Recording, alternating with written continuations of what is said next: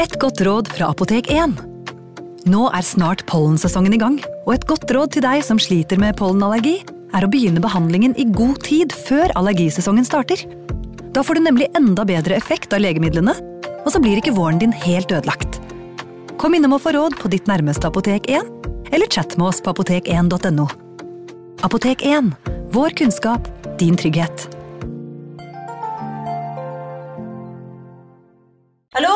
Jeg kommer fra Oslo politikammer. Ine Jansen er purk. Er du purk? The motherfucking bitch. Alt jeg vil, er å finne ut hva som skjedde med mannen min. Jon Carew. Er jeg sikta for noe? Iben Akeli. Det er du. Ole So, Lars Berrum og Big Daddy Karsten. Hvem sin side er du på, egentlig? Anette Hoff, Tone Danielsen, Kommer du fra Afrika? Jørnis Josef, Nesten kløfta. Trond Espen Seim, Det er synd å si det, men det var feil mann som døde. Purk. Premiere tirsdag på TV2 Play. Advarsel.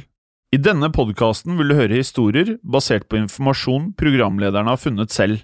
Programlederne står ikke nødvendigvis inne for meninger og syn som fremstilles. Noen påstander kan avvike fra virkeligheten.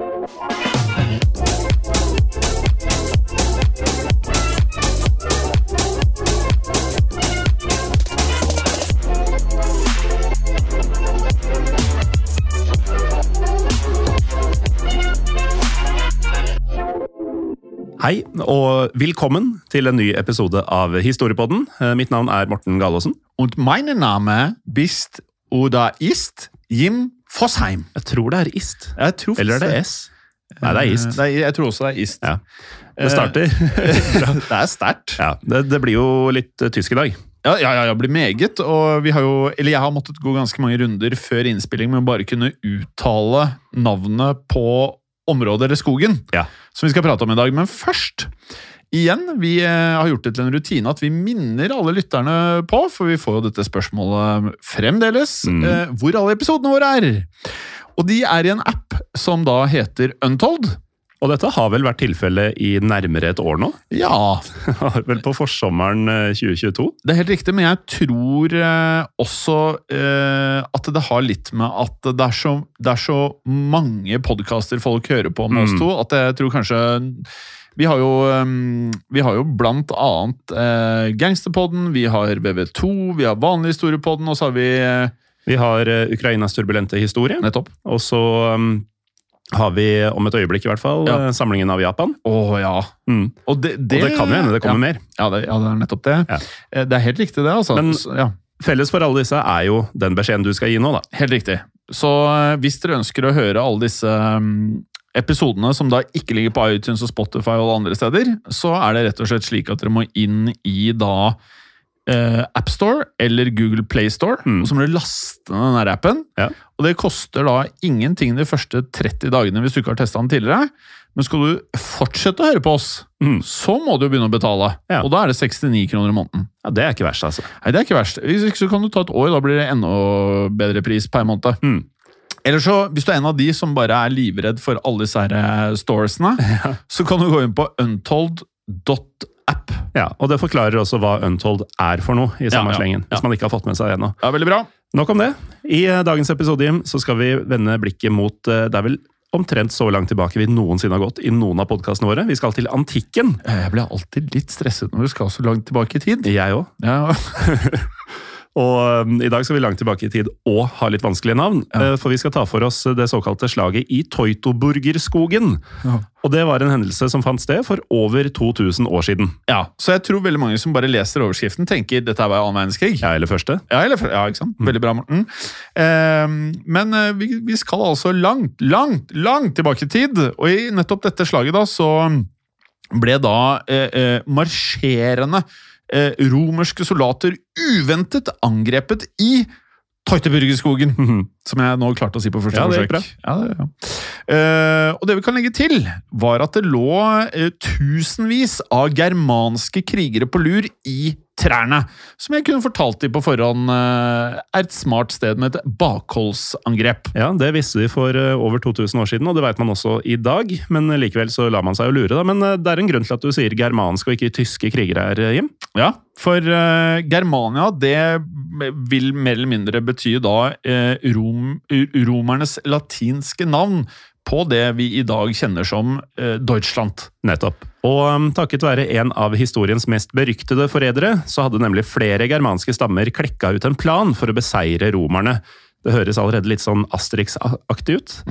Og da planen ble satt ut i live, så ble resultatet en av de mest dramatiske hendelsene i Romerrikets historie. For, som vi skal høre, så fremstår deler av slaget i Teutoburgerskogen nærmest som henta ut av en skrekkfilm. Og denne forræderen og nøyaktig hva som møtte romerne i eh, skogen, skal vi selvsagt komme tilbake til i detalj.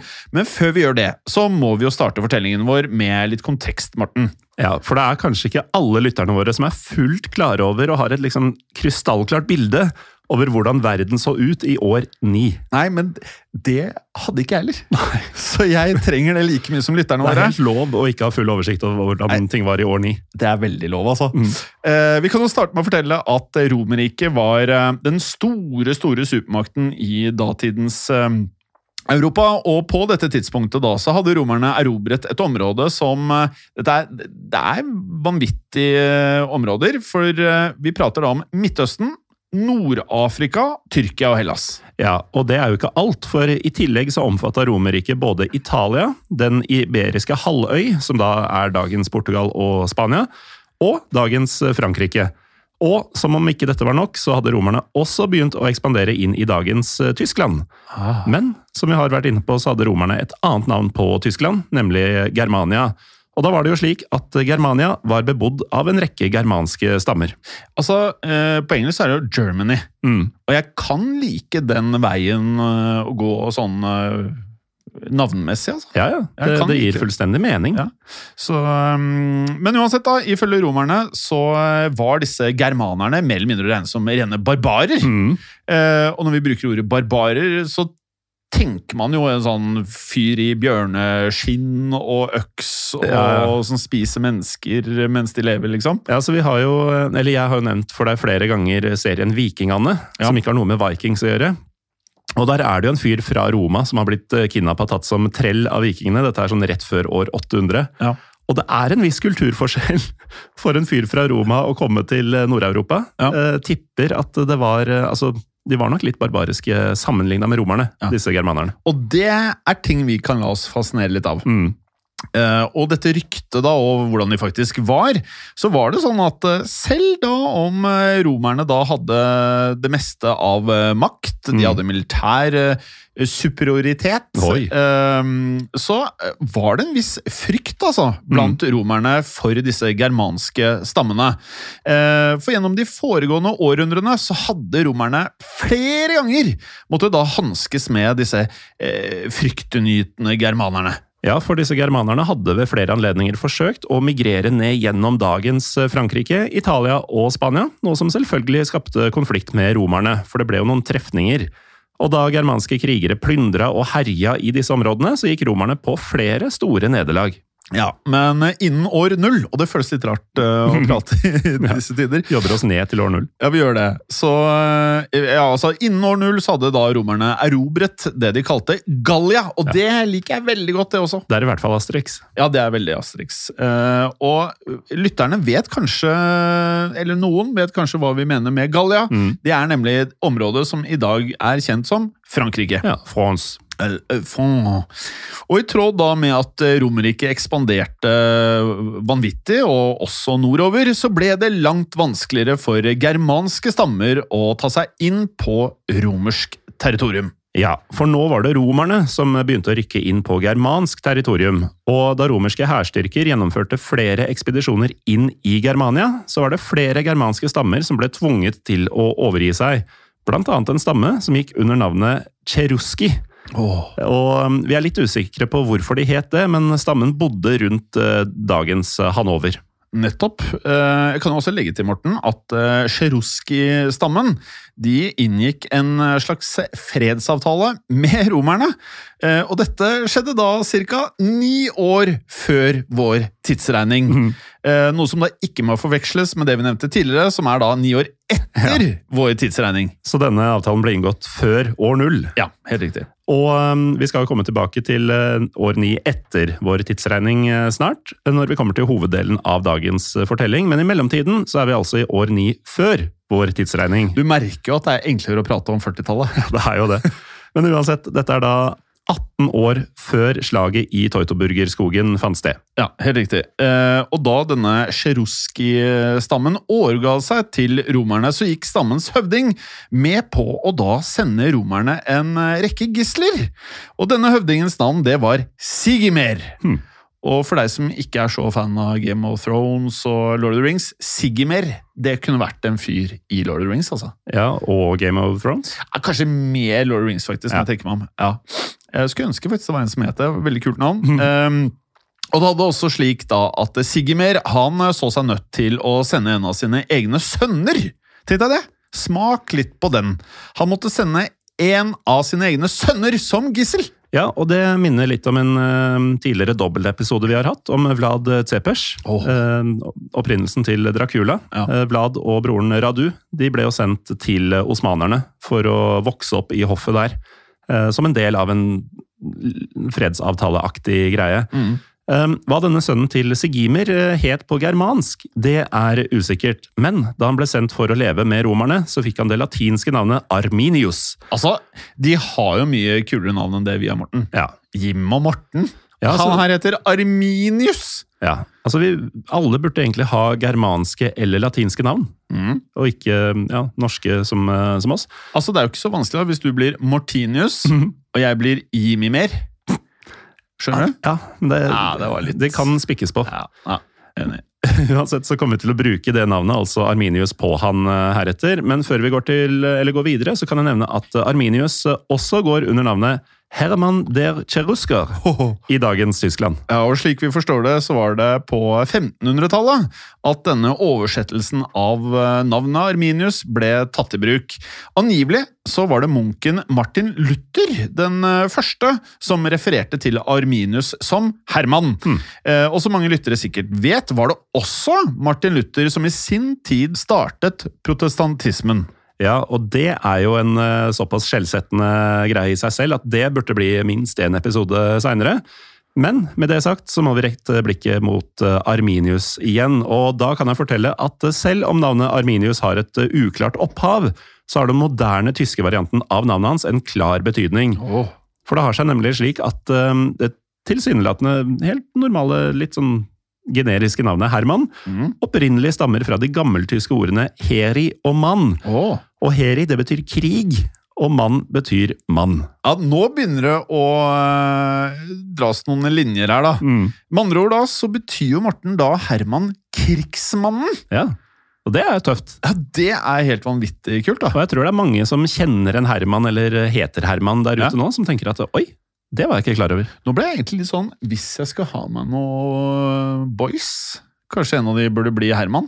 Ja, Du mener om du skal få en sønn? Ja, ja, det, ja, det kan jo skje. Eh, noe som da på engelsk har blitt oversatt til Man of War. Ja. Og det er helt vanvittig, dette her. Eh, og man må nok si at ordet da krigsmann er en eh, Jeg vil jo si en passende beskrivelse av Arminius. Ja, for det var jo tross alt på slagmarka at Arminius eh, sikra seg en plass i historiebøkene. Men før vi kommer til den delen av historien, så kan vi jo si noen ord om eh, Arminius sin oppvekst hos romerne. Det kan vi, for eh, da Arminius ble sendt da, som gissel til romerne, så skal han ikke ha vært eh, mer enn rundt ni år gammel. Ta det med klype salt. Tallet ni går igjen ganske mye her, altså. Ja, gjør det. Eh, man kunne jo blitt eh, surret av mindre. Mm. Men eh, dere lyttere, eh, bare husk at dette er en stund siden. Så mye informasjonen er ikke nødvendigvis eh, enkel å bekrefte eller dokumentere, men det er dette man går ut ifra. Mm. Og som barn så ble da Arminius eh, oppfostret, selvfølgelig i tråd med romerske skikker. Og slik romerne så det, så var nemlig dette en måte da å kunne sikre seg en form for lojalitet til denne sjeruski-stammen. Og særlig dersom Arminius en dag skulle arve faren Sigimers plass nettopp som høvding. Ja, for dersom Cheruski-stammen fikk en romervennlig høvding, så ville det selvsagt være enklere for romerne å opprettholde et godt forhold med cheruskerne. Og Derfor tok det ikke lang tid før romerne sørga for at Arminius lærte seg det romerske språket, som da var latin. Og da han ble gammel nok, så begynte Arminius også å tjenestegjøre i det romerske militæret. Og ifølge kildene våre så befinner vi oss nå et sted mellom år én og seks etter vår tidsregning. Og i dette tidsrommet så mottok Arminius ikke bare en romersk militærutdanning, men han ble også mm, tildelt romersk statsborgerskap. Og på toppen av dette så fikk han tittelen equite, equite, som på eh, latin betyr noe sånn som rytter. Ja, og betegnelsen equite ble da brukt om personer fra den romerske samfunnsklassen equites. Og denne klassen sier Store norske leksikon følgende om Equites var en halvadelig stand i Romerriket, opprinnelig det romerske kavaleriet. I keisertiden var Equites en tjenesteadel hvorfra keiseren tok offiserer og embetsmenn. Ja, med andre ord så fikk da Arminius eh, høy, høy sosial status hos romerne, og denne statusen ble heller ikke mindre da Arminius eh, tjenestegjorde i den romerske hæren. For mellom år seks og åtte, etter vår tidsregning selvfølgelig, så fikk Arminius erfaring eh, ja, fra rett og slett kamper i Kroatia, eller det som i dag er Kroatia. Ja, for her hadde nemlig flere lokale stammer gått til opprør mot det romerske styret, og da romerne gikk til verks for å slå ned dette opprøret, så skal Arminius ha leda en avdeling med cherusky-soldater. Ja, Cherusky-soldatene de tjenestegjorde som såkalte hjelpetropper, som eh, hadde i eh, all sin helhet da oppgave å støtte de romerske legionene. Og gjennom dette så fikk da Arminius eh, førstehåndskjennskap til romernes eh, måte å føre krig på, som var raffinert på denne tiden. Ehm, og dette skulle komme han eh, til gode, må vi jo kunne si, hjemme i Germania. Ja, for i år åtte, og som du har sagt, vi er nå i, mm, etter vår tidsregning, så nå går årene oppover. Så ble Arminius sendt tilbake til Cheruski-stammen, og på dette tidspunktet så ønska nemlig romerne å ekspandere dypere inn i Germania. Og da var den romerske planen at Arminius skulle bli en verdifull lokalalliert. Men som vi nå skal høre, så hadde Arminius selv helt andre hensikter. Det er helt riktig, det. For eh, kort tid etter hjemkomsten hans så begynte nemlig Arminius å planlegge hvordan han kunne eh, forråde romerne. Ref det vi sa i starten her. Vi pratet om en stor forræder. Det begynner å komme tendenser her nå. Ja, og det er jo nå Altså, hvis han um, havna i Romerriket i år 9 før vår tidsregning, og vi nå er i år 8, så har han altså vært med romerne i 17 år. Ja, Og da vet du mye. Da vet du mye. Eh, uansett, i, um, etter hjemkomsten hans så var det mange germanere som ønska å gjøre motstand mot uh, Romerriket, og det viste seg snart at også Arminius hadde lite til overs for romernes planer for Germania. Så derfor gikk han snart i gang med å organisere flere germanske stammer. Og planen hans var å stable på beina en koalisjon som kunne gjøre væpnet motstand mot den romerske hæren. Men i møte med romerne da, så fortsatte Arminius å late som han da var vennlig innstilt. Og dette gjaldt særlig i møtene hans med den lokale romerske militærguvernøren i Germania. Og denne guvernøren det var den 53 år gamle romerske aristokraten Publius Quintilius Varus. Og dette, jeg tenker Monty Python med en gang. jeg. Ja. Life of Brian. Ja, det, altså, det vi har lært gjennom mange, mange, mange, mange Nærmer oss 1000 episoder sammen? Ja, Det føles i hvert fall sånn. Ja, så Gjennom alle podkastene og alle episodene vi har spilt inn, så vet vi at sannheten og historien er ofte villere enn fiksjonen. Eh, Hvordan ville du uttalt navnet hans? Eh, Publius uh, Quinctilius Varus, Ja, det var litt annerledes som meg, men det var kanskje bedre. Eh, og han, han Publius han var rett og slett en mann som var av eh, ja, eh, god herkomst, må vi kunne si, for han var en slektning av den romerske keiserfamilien. Ja, og på dette tidspunktet så ble den romerske keiserfamilien ledet av keiser Augustus. um, og han har vi allerede støtt på i episodene som vi har laga om eh, Kleopatra, altså den egyptiske dronningen. Og da um, han måtte hanskes med Kleopatra, så var Augustus rundt 30 år gammel. Men i dagens historie så hadde Augustus rukket å passere 70 år. Og derfor så holdt han seg som regel i hovedstaden Roma. Og derfra så ga Augustus ordre til Varus, altså han som hadde det lange navnet, um, om da å holde ro og orden i de romersk-okkuperte delene av Germania. Og når det gjaldt dette, så hadde da Varus et rykte på seg for å være mer eller mindre helt hensynsløs, Morten. Ja, Det er jo noe herlig ironisk over at oppgaven er å holde ro og orden, Ja. og det gjør det på en svært urolig og litt ordentlig måte. Og det verste er at jeg kan like det. Mm. Jeg kan like det i historisk, uh, historiepodden-sammenheng. Ja. Men i delene av Romerike der denne Varus tidligere hadde tjenestegjort, så var han nemlig en fryktet eh, mann, blant annet ettersom han hadde en tendens til å straffe forbrytere og opprørere med noe som var i vinden eh, i disse dager, nemlig korsfestelse. Ja. Ettersom eh, slike straffer hadde en, eller satte en brutal stopp for motstand mot romerske staten, så ble Varus med tiden høyt respektert av Augustus. Ja, eh, Men da Varus da gikk eh, til verks på lignende vis i Germania, gjorde disse metodene hans da at flere germanske stammer ble, altså de ble rasende. Mm. Og det kan man jo forstå. Og nettopp dette raseriet så da Arminius eh, sitt eh, snitt til å utnytte. Ja, for da han vendte tilbake til Germania, så ble Arminius utnevnt til en stilling som en av Varus sine nærmeste rådgivere. Ja. Og dermed fikk jo Arminius muligheten til å bedrive et aldri så lite dobbeltspill. Samtidig som han ble en verdsatt rådgiver hos Varus, så forteller nemlig kildene at Arminius jobba med å forene en gruppe med germanske stammer, og disse stammene de hadde tradisjonelt vært fiender av hverandre. Ja, Men ettersom stammene var rasende over eh, Varus sin eh, brutale okkupasjon, så klarte Arminius å overtale flere stammeledere til å slå seg sammen mot romerne. The enemy of my enemy. You got that right. Mm. Og deretter så gjaldt det å holde den nye alliansen samla, helt til det oppsto et optimalt øyeblikk hvor man kunne slå til mot romerne. Og dette øyeblikket trengte ikke Arminius å vente lenge på, for idet vi tar oss til igjen år 9, så øynet han en stor mulighet til å rett og slett angripe romerne, og da skal vi omsider bevege oss inn i den mørke Teutoburg. Skaugen! Skogen! Ja, denne skogen skal vi stifte nærmere bekjentskap med etter en aldri så liten pause. Velkommen tilbake. Før pausen nevnte vi at eh, Arminius snart skulle få en vanvittig mulighet til å angripe romerne, for i områdene som i dag utgjør Kroatia, nevnte vi jo at det pågikk et eh, svært eh, stort opprør mot Romerriket. Ja, og mm, slik at man kunne slå ned dette opprøret, så flytta romerne store hærstyrker ut av Germania. Og da tusenvis av romerske soldater marsjerte sørover, så var det bare tre såkalte legioner igjen i Germania. En legion det er et ord mange har hørt, det er en form for romersk hæravdeling. Oh. er, mange av disse ordene her, er, de klinger bra. Altså. De gjør det. Ja, de gjør Det det. er et, det er et fint eh, språk og en fin tid for ord. Ja, veldig, veldig fin. Du kunne ikke sagt det bedre, Morten. Eh, og sammen så besto disse tre legionene av opptil 18 000 soldater, og alle som nå har hørt mye historie på den, og du har sett filmer, så høres kanskje 18 000 mann ikke så mye ut, men på den tiden så var det vesentlig færre folk. Ja. Så 18 000, det var litt. Um, og I tillegg så hadde da soldatene med seg sivilister som var knyttet eh, til disse legionene. Og blant sivilistene var det også ikke bare menn, men kvinner og barn. Mm.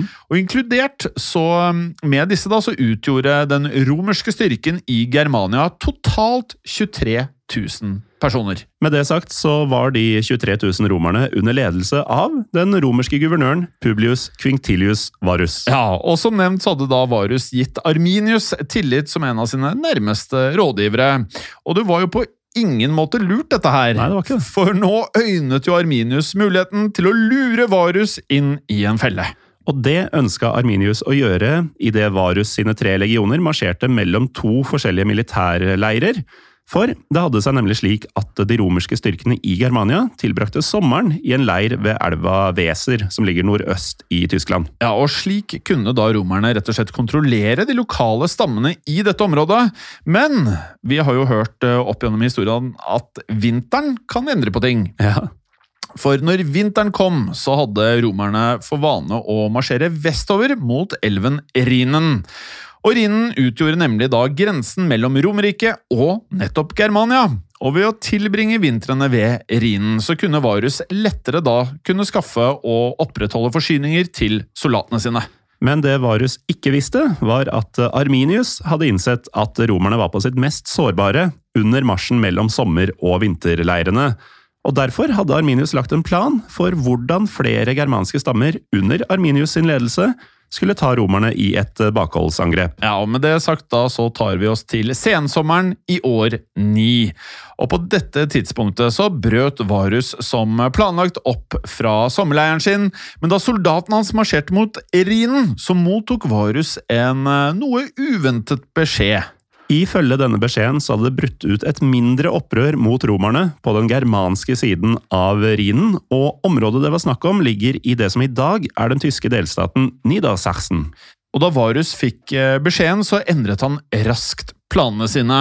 I stedet for å marsjere da mot Rhinen, så ønsket han nemlig først å ta turen innom Niedersachsen. Og her var planen hans rett og slett å knuse det nye opprøret, før han deretter planla å snu tilbake mot vinterleiren ved Rhinen. En eh, sånn kursendring innebar imidlertid at romerne måtte marsjere gjennom ukjent eh, terreng, noe som tilsynelatende ikke bekymra Varus, ettersom han følte at han kunne stole på lokalkunnskapen til eh, Arminius. For mens de romerske soldatene da marsjerte, så hadde de nemlig fått selskap av Arminius og en gruppe sjeruskikrigere. Og slik vi forstår det, Morten, så og disse sjeruskerne de, de, var på hesteryggen de, og fungerte mer eller mindre som veivisere. Og I tillegg så var Arminus også brukt som tolk mellom romerne og også andre lokale germanere. Og Derfor så antok Varus at turen gjennom de eh, ukjente områdene ville gå relativt greit. Mm. Og da Arminus da tilbød seg å ri i forveien, så godtok Varus dette tilbudet.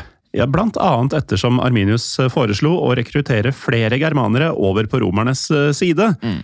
Mens eh, Arminius gjorde dette, så var planen at de 23 000 romerne skulle marsjere gjennom den mørke og store Teutoburger-skogen. Og når jeg sier stor, Jim, så kan jeg si at Toitoburgerskogen, um, altså den moderne utgaven i dag, ja. utgjør et område på ca. 1200 kvadratkilometer. Si meg lite, men jeg føler det er stort. Ja, uh, Vi kan jo si at det tilsvarer et område som er eh, like stort som en svær, svær, svær by, nemlig Los Angeles.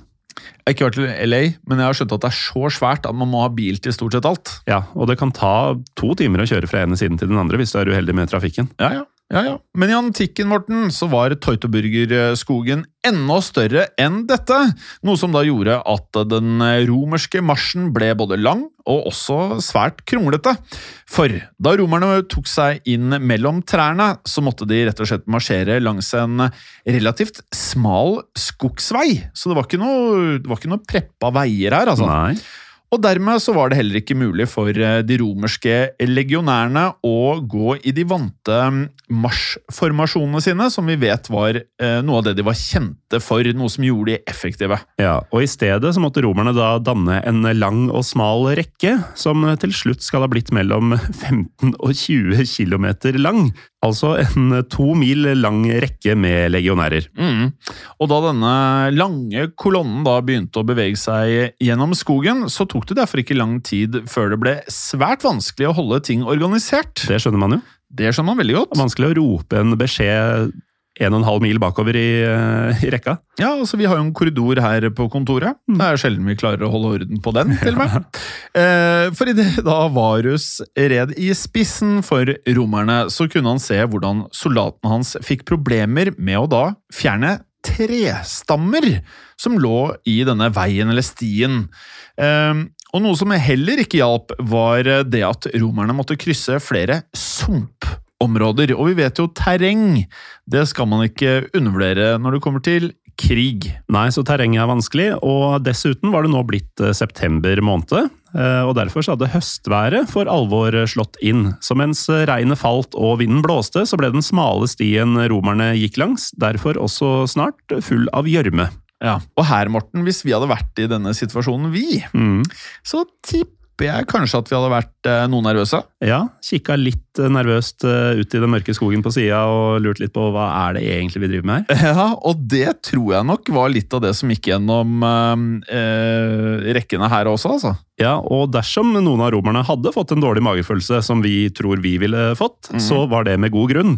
For blant de tettpakka trærne som strakte seg langs hver side av den romerske kolonna, så lå det nemlig 18 000 germanske krigere på lur. Mm. Og På dette tidspunktet så hadde disse krigerne fått eh, selskap av Arminius, som i realiteten hadde ridd av gårde ikke for å rekruttere folk til romerne, men for å lede det germanske bakholdet. Noe forrædersk. Noe Ja, det er forrædersk, rett og slett. Og i motsetning til romerne så kjente germanerne skogen eh, svært godt. Mm. Eh, Så da germanerne da forberedte seg på å angripe, så hadde de derfor en betydelig fordel. Det kan jo ha alt å si.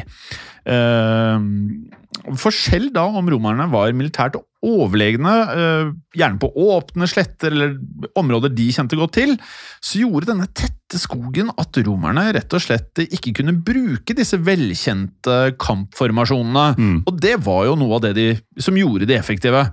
Og siden da Varus sine soldater var spredt ut mellom disse 15-20 kilometerne, så var romerne mer eller mindre i en veldig sårbar situasjon, og eh, i et element de ikke er vant til å være i når det kommer eh, krig. Ja, og dette skulle bli veldig tydelig, for da romerne hadde beveget seg dypt nok inn i skogen, så klappa fella omsider igjen rundt dem. Eh, Selv om vi ikke vet nøyaktig hva som innleda det germanske angrepet, så har historikere antatt at romerne plutselig ble truffet av, og nå er vi tilbake til dette med barbarer, Ja. Eh, en skur med kastespyd. Ja, og Her er litt forskjellen på nyere og eldre historie når vi lager disse episodene, at eh, noen antakelser må man gjøre. Og En av disse var jo da at eh, spydene de kom brått, og de kom uten forvarsel. Og de kom ut av eh, den mørkeste skogen. Men selv da om de fort eh, forsto, altså romerne, at de befant seg i en felle, så hadde disse soldatene mye trening, de hadde mye rutine, og med det så klarte de å unngå noe sånn særlig panikk. Og derfor så stilte romerne seg rygg mot rygg idet de da vendte skjoldene sine mot hver side av denne stien. Ja, så De er godt trent og disiplinerte, men det, det må vel være mulig å anta at romerne nok eh, var rimelig redde på dette tidspunktet? Ja, og så eh, får du litt sånn følelse at du ser en sånn eh, romerserie eller romerfilm når vi prater nå. Jeg Ja, kan liksom se for meg hvordan dette skjer. Og så er det overførbart til så mye annet. Altså, Ja. Det kunne vært uh, western, det kunne vært uh, moderne ah, krig. krig, ja. Uh, det kan være en serie om terrorister og lignende. Mm. Um, men i hvert fall, idet romerne hørte fiendtlige krigsrop eh, gjalle gjennom skogen, så kom de germanske krigerne nå stormende inn fra alle kanter. Jeg hadde fått så panikk! Jeg, hadde, jeg, hadde, jeg hadde løpt. Og vi har jo grunn Jim, til å tro at eh, dette synet var eh, temmelig fryktinngytende. Ja, eh, For i sin tid så beskrev nemlig den romerske historikeren Tacitus, eller Tacitus, en av de germanske stammene på dette viset. Bortsett fra deres styrke benytter de seg av sin medfødte villskap med dyktighet og timing. Med svarte skjold og malte kropper velger de mørke netter å kjempe på, og som en skyggefull og spøkelsesaktig hær forårsaker de panikk, siden ingen fiende kan tåle et så uventet og helvetesaktig syn. Ja, det er ikke småtteri. Jiminius hadde løpt. Ja. Uh, Mortinius også. Um, da det brøytet nærkamper langs eh, skogsveien, så klarte romerne likevel å stå imot eh, angrepene, faktisk. Men eh, dette skjedde ikke uten at flere romerske avdelinger led store tap. For eh, ettersom germanerne hadde omringa den romerske styrken, så kunne germanerne trekke seg tilbake og angripe hvor og når de ville. Noe som gjorde at romerne befant seg i eh, mer eller mindre et skrekkscenario. For eh, den eneste muligheten de nå hadde til å overleve, var nemlig å marsjere videre gjennom skogen for å kjempe seg ut. Og dette var noe som ville kreve mye tid, og gjerne flere dagsmarsjer. Ja, Så de er jo ordentlig fanga her. Ja, dette, det er god felle. Ja, det er Hvis en du god felle. først er en forræder. Og mens de desperate romerne da forsøkte å komme seg i sikkerhet, eh, og det er jo ikke så lett når du blir angrepet fra alle kanter, Nei. så ønska Arminius og germanerne å terrorisere denne romerske kolonna, og derfor utførte germanerne en rekke angrep både på dagtid og om nettene. Ja, eh, og dermed så var det da nærmest eh, ingen hvile å få for Varus og soldatene hans. For så lenge romerne var i denne tette, mørke skogen, så var det mer eller mindre umulig å vite når fiendtlige krigere kunne bare storme frem igjen. Og med jevne mellomrom så ble romerne utsatt for det man på engelsk kan kalle hit and run-angrep. Ja, og det gjorde at den romerske kolonna ble stadig vanskeligere å holde organisert, og idet både dager og netter gikk, så begynte de romerske dødstallene å stige, samtidig som moralen sank blant legionærene. Morten, det høres ut som mareritt dette her. Det gjør jo det. Og det, er, det er ingen hvile, Nei. det er ingen vei ut. Altså, Tenk deg liksom at du er flere dager i skogen der, du vet ikke når det kommer til å skje ting, Mm. og du er bare Du kan aldri hvile, og så regner jeg vel med at til slutt så hører du folk, sidemannen, begynne å komme med negative ting, Mm. og liksom ødelegge, ødelegge litt for eh, spiriten, da. Ja. Men um, etter to dagers kamp da, så hadde romerne faktisk omsider klart å kjempe seg frem til åpent terreng. Og dette Jeg hadde ikke trodd de skulle klare det når jeg leste dette for første gang. Nei, men de er jo ikke helt i mål, kan man si. Nei, nei, nei. nei, nei. Eh, for eh, da var det nok eh, mange blant romerne som da håpet at det verste var over. For dersom de fulgte veien videre, virket det nå som at det var en mulighet for at det kanskje var realistisk å kunne håpe på å overleve. Ja, men likevel så var det fortsatt vanskelig å ta seg fram, for um, idet romerne marsjerte videre, så måtte de passere gjennom eh, enda et uh, sumpområde, og visstnok så skal det samtidig ha pøsregna. Eh, det er jo høsten, som vi var inne på. Og på dette tidspunktet så hadde jo altså Varus eh, sine soldater selvfølgelig lidd store tap. Men det ble snart klart at romerne måtte gjøre en eh, siste kraftanstrengelse her. For etter at romerne hadde marsjert gjennom natten da for å unnslippe, så nådde de en bakketopp kjent som Kalkrise. Eller Kalkrise. Kalkrise. Kalkrise. Og her ventet Arminius og krigerne hans. Eh, med andre ord så var veien ut av skogen blokkert. Ja, og nå er de slitne og gjørmete, og mange av dem døde. Trenger kanskje mat og Ja. vann og Og når du da ser en hel, um, ja, en hel armé stå mot deg da, så må jo det ha gjort at motet sank umiddelbart hos romerne. For um, ifølge kildene så var nemlig veien som leda ut av skogen, ikke bare blokkert av Arminius og krigerne, men også av en nylig gravd grøft. Det er så rutinert. Ja, de, det, det var lurt å la Arminius ri i forveien, altså, må man si.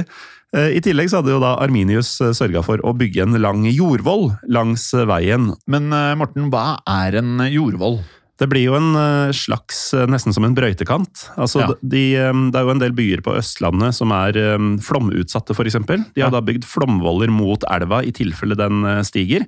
Så er det rett og slett en liten en Nesten slags vegg av jord. Så både en grøft og en jordvoll. Ja. Ja. Og da germanerne til Arminius gjemte seg bak denne jordvollen, så kunne de angripe romerne fra en befesta stilling. Og derfor gjorde romerne et desperat forsøk på å storme denne jordvollen.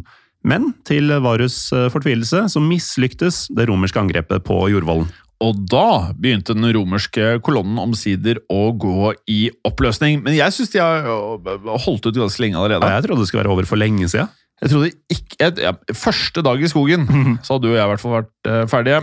Eh, og den gikk rett og slett i oppløsning, for uh, da angrepet på den eh, germanske jordvollen feilet, så bestemte Varus sin nestkommanderende seg for å flykte. Og det er jo ikke balsam for moralen. Nei. Navnet på denne nestkommanderende det var eh, Numonius Vala. Og ifølge kildene så skal Vala ha ridd av gårde sammen med det romerske kavaleriet. Det er jo eh, Dårlig gjort. ordentlig god leder, eh, som eh, da dermed etterlot de romerske fotsoldatene. Eh, men da kavaleristene da prøvde å rømme, så skal de ha blitt innhentet av germanske ryttere. Og i løpet av jakten som da fulgte, så skal eh, Numonius Vala ha blitt eh, drept. Men det gikk ikke bedre med romerne som ble igjen ved Kalkrise. For um, da tusenvis av germanske krigere storma fram igjen fra alle kanter, så ble Varus og soldatene hans fullstendig omringa. Og da panikken omsider tok romerne, så begynte det som ble en eh, regelrett nedslakting. Ja, det ble det. Eh, For idet soldatene hans eh, ble drept rundt han, så innså Publius Varus at nederlaget var var mer eller mindre et faktum, og derfor så bestemte Varus seg for å ta sitt eget liv eh, før han eh, omsider kunne bli tatt i fange, og dette skal Varus så ha gjort ved å kaste seg over sitt eget sverd. Ja, og det er jo ganske grotesk, men han unngikk på den måten en skjebne som kanskje kunne vært enda verre. For da germanerne øyna seier, så viste de ingen nåde, noe som særlig kom til uttrykk når det gjaldt romerne som ikke ble drept på slagmarka. For ifølge kildene skal nemlig mange av romerne som ble tatt til fange, enten ha blitt solgt som slaver eller brent levende. Ja, Da foretrekker jeg faktisk sverdet. Kanskje jeg hadde tatt slaveveien?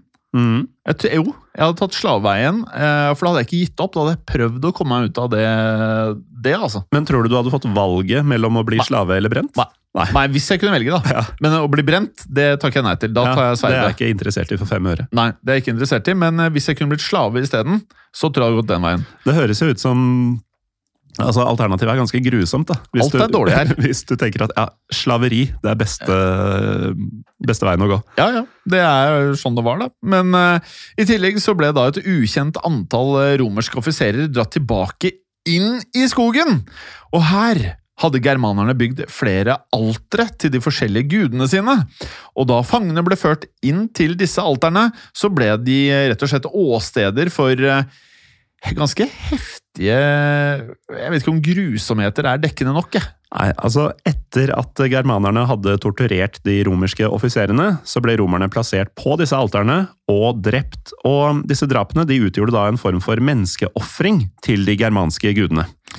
Ja, med det sagt da, så var det kun et eh, fåtall romere som eh, kom seg ut av Teutoburgerskogen i live, og da katastrofen var et faktum, så hadde de eh, tre romerske legionene blitt mer eller mindre utslettet, og dermed var nærmest alle av de 18 000 soldatene som da voktet Germania, nå døde. Samtidig hadde rundt 5000 romerske sivile enten blitt drept eller tatt til fange, eller eh, blitt brukt som slaver. Ja, og Da nyheten om nederlaget etter hvert nådde Romerriket, så sendte den jo sjokkbølger hele veien til Roma. Og da den nå 72 år gamle keiser Augustus fikk beskjeden om det som hadde skjedd, så reagerte han visstnok voldsomt. Ja, for ifølge den romerske historikeren Sautenius så skal Augustus eh, ha gjentatt dunket pannen inn i eh, veggene rundt seg, som var av marmor. Ja, Det høres hardt og vondt ut. Jeg tror du kan få eh, sånne svarte spotter på hjernen mm. som kommer av gjentatte hjernerystelser. Ja. Så kanskje ikke gjør det. Eh, og mens da eh, Augustus eh, smalt huet inn i marmorveggen gjentatte ganger, så ropte han følgende på latin, vel å merke. Quini til vare, legiones redde. Uh, ja. Ja, Og det betyr noe sånt som Quintilius Varius, gi meg tilbake legionene. Ja. Og av det katastrofale nederlaget så innså Augustus at eh, håpet hans om å erobre hele Germania det hadde jo fått en kraftig knekk, i og med at han ikke hadde noen styrker igjen der eh, lenger. Dette her kan jo ikke bare ha vært en knekk. Det må ha vært altså, Det er jo dommedag, dette her. Det er jo det. Ja. Så i årene fremover så, så Augustus seg derfor nødt til å trekke romerske styrker tilbake til sørsida av eh, denne grenseelva Rhinen. Ja, Men da Augustus døde i år 14, så forsøkte romerne å hevne seg på Arminius og germanerne. For under regjeringstiden til Tiberius, som var Augustus' stesønn, også selvfølgelig da etterfølger som keiser, så prøvde nemlig romerske herrer igjen å angripe Germania. Ja, så i år 15 så vendte romerske styrker tilbake til området ved Teutoburgerskogen, og da skal romerne ha gjort en rekke grusomme funn. Den antikke romerske historikeren som vi nevnte i stad, Tacitus eller Tacitus, han beskriver da hvordan det ble funnet rester av denne massakren som hadde foregått i Tautoburgerskogen seks år tidligere. Kjære lytter, hold deg fast. Sitter du på trikken, eh, ja, kanskje forbered deg på å ikke skrike ut nå. Kommer det sitater fra Tacitus? Blekede knokler lå spredt for alle vinder eller i hauger, alt etter om de stammet fra dem som hadde vært på flukt, eller fra dem som hadde gjort motstand. Spredt overalt lå biter av spyd og hester, mens menneskekranier var spikret opp på trærne. I lundene omkring så man barbarenes altre, der de hadde slaktet offiserer og befal. Altså, biter av hester er jo én ting. Ja. Eh, menneskekranier spikra opp på trærne. Ja. Det, det har foregått litt i denne skogen, altså. Og Ja, dette er ja. som sagt seks år etter at det skjedde. Fortsatt har du alt dette liggende rundt der. Nei, det er uh, heftig. Uh, og ja, det skulle bli heftig igjen, for eh, da de romerske styrkene forsøkte å erobre Germania igjen, så ble de nok en gang stanset av Arminius. For i år 16 så fant det sted et større slag mellom 50 000 romerske soldater og en germansk hær som vi ikke har funnet ut størrelsen på. Og denne hæren skal jo da naturligvis ha blitt ledet av Arminius. Mm. Selv om eh, kildene forteller eh, mindre om dette slaget, så skal det ha endt med at Arminius måtte trekke hæren sin tilbake, faktisk. Mm. Men av eh, store tap så bestemte romerne seg en gang for alle å oppgi planene om å erobre Germania. Ja, og I løpet av de neste årene så øyna derfor Arminius muligheten til å forene samtlige germanske stammer. Men da han økte sin egen makt på bekostning av andre fremtredende skikkelser, så var det flere mektige germanere som følte at Arminius ble for mektig. Og veit du hva dette minner meg om, Jim? Nei. Vår egen podkastserie, Samlingen av Japan. Å, oh, ja, stemmer det. Men uh, ifølge kildene våre så endte det derfor med at rivaler fra Arminius uh, sin egen stamme myrda han.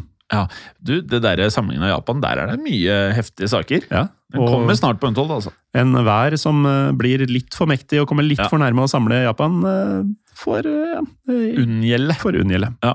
Eh, det du nevnte nå, Morten, det skal ha skjedd eh, omkring i år 21. Men når det gjelder nøyaktig hvordan Arminius ble drept, er eh, kildene mm, ikke veldig presise på. Eh, heller mangelfulle, faktisk. Og da kan vi jo si at eh, det som er sikkert, da, er at Arminius eh, eh, har blitt godt husket. Ja, det kan du trygt si. I uh, senere århundrer så fikk nemlig Arminius uh, status som en slags tysk nasjonalhelt. nasjonalhelt. For dersom han ikke hadde bidratt til å stoppe romerne, så er det fullt mulig at Romerriket hadde inntatt Germania. Og da kunne jo historien ha sett veldig annerledes ut. Ikke minst ettersom germanske stammer eh, senere bidro til at eh, Romerriket gikk under. Ja, Og det ville jo ikke ha skjedd hvis germanske stammer lå under Romerriket. Tror vi. Mm. Eh, Romerriket gikk som kjent i oppløsning på 400-tallet, og på dette tidspunktet var det blant annet eh, invaderende germanske stammer som eh, var en viktig bidragsyter til rikets fall. Mm. Dersom Germania hadde blitt en del av Romerriket, så er det imidlertid ikke sikkert at eh, historien ville utspilt seg på samme vis. Men eh, hva som i stedet kunne skjedd, det er jo bare spekulasjoner. Ja, men la oss da komme med en liten anbefaling her til de lytterne som ønsker litt eh, Ja, eller som har fått litt mersmak, da. Ja, vi kan foreslå Netflix dokudramaet eh, Barbarians, Ja. passende navn, Ja som gjennom sesong én tar for seg nettopp hendelsene som utspilte seg i Teutoburgerskogen, og da støter vi selvsagt både på Arminius og Varus. Ja, jeg, jeg, syns jo det her er veldig veldig interessant. Mm. Men igjen til alle lytterne som spør hvorfor vi er mye nyere tid, så er det jo fordi at mye av informasjonen det er sånn Det kommer alltid en del antagelser. Ja. Men så lenge vi kan gå for de antagelsene som vi syns er saftigst, Mm. så blir jo historiene veldig bra. Ja, da blir det saftig. Ja, det blir saftige. Eh, kjære lyttere, dere er jo eh, veldig viktige til eh, bidragsytere i alle podkastene våre, og Mm. selvfølgelig grunnen til at vi kan sitte her hver eneste uke og leve å drive med podkast. fortsett med å komme med alle de vanvittig gode bidragene, eh, som f.eks. For forslag til podkastepisoder. Ja, og det kan man gjøre enten i direktemelding på Facebook eller Instagram-sidene våre, som er Historiepodden Norge. Eller på Facebook-gruppen vår Historie for alle. Ja, og det er jo egentlig å foretrekke, for da Ja, kan du få respons eh, fra andre også. Ja. Det er jo Du sier mye smart, Morten. Det er jo ikke annet å si, altså. Jeg er påskrudd i dag. Ja, du er veldig påskrudd. Eh, og igjen, last ned appen eh, Untold hvis dere ønsker å høre alle de eh, andre podkastene som ikke ligger åpen, som f.eks. Ukrainas turbulente historie. Og samlingen av Japan ganske snart. Ja, ganske snart. det er helt riktig det. Og masse andre podkaster. Og med det, Morten, dette her har skjedd. Og det kan skje igjen. Ha det bra. Ha det. Historiepodden ønsker å takke følgende. Dere som hjelper oss som sitter i produksjonen. Dere som hjelper oss som sitter i redaksjonen, inkludert eh, tekstforfattere. Det er helt riktig. Og dere som sitter på marked, som faktisk da gir oss muligheten til å drive med Historiepodden. Og selvfølgelig alle dere som hører på. Tusen takk. Moderne media. Har du et enkeltpersonforetak eller en liten bedrift? Da er du sikkert lei av å høre meg snakke om hvor enkelt det er med kvitteringer og bilag i fiken, så vi eh, gir oss her, vi. Fordi vi liker enkelt. Fiken superenkelt regnskap. Hei og takk for at du lytter til Historiepodden. Skulle du ønske at du kunne høre en ny episode av Historiepodden hver eneste uke? Vel, da er det én ting å gjøre. Da kan du laste ned podkastappen Untold med det samme. For i tillegg til ukentlige episoder av podkaster som Historiepodden andre verdenskrig, Henrettelsespodden og også Gangsterpodden, så får du masse annet reklamefritt og også eksklusivt innhold. Last ned Untold i AppStore eller Google Play og start din 30 dagers gratis prøveperiode allerede i dag.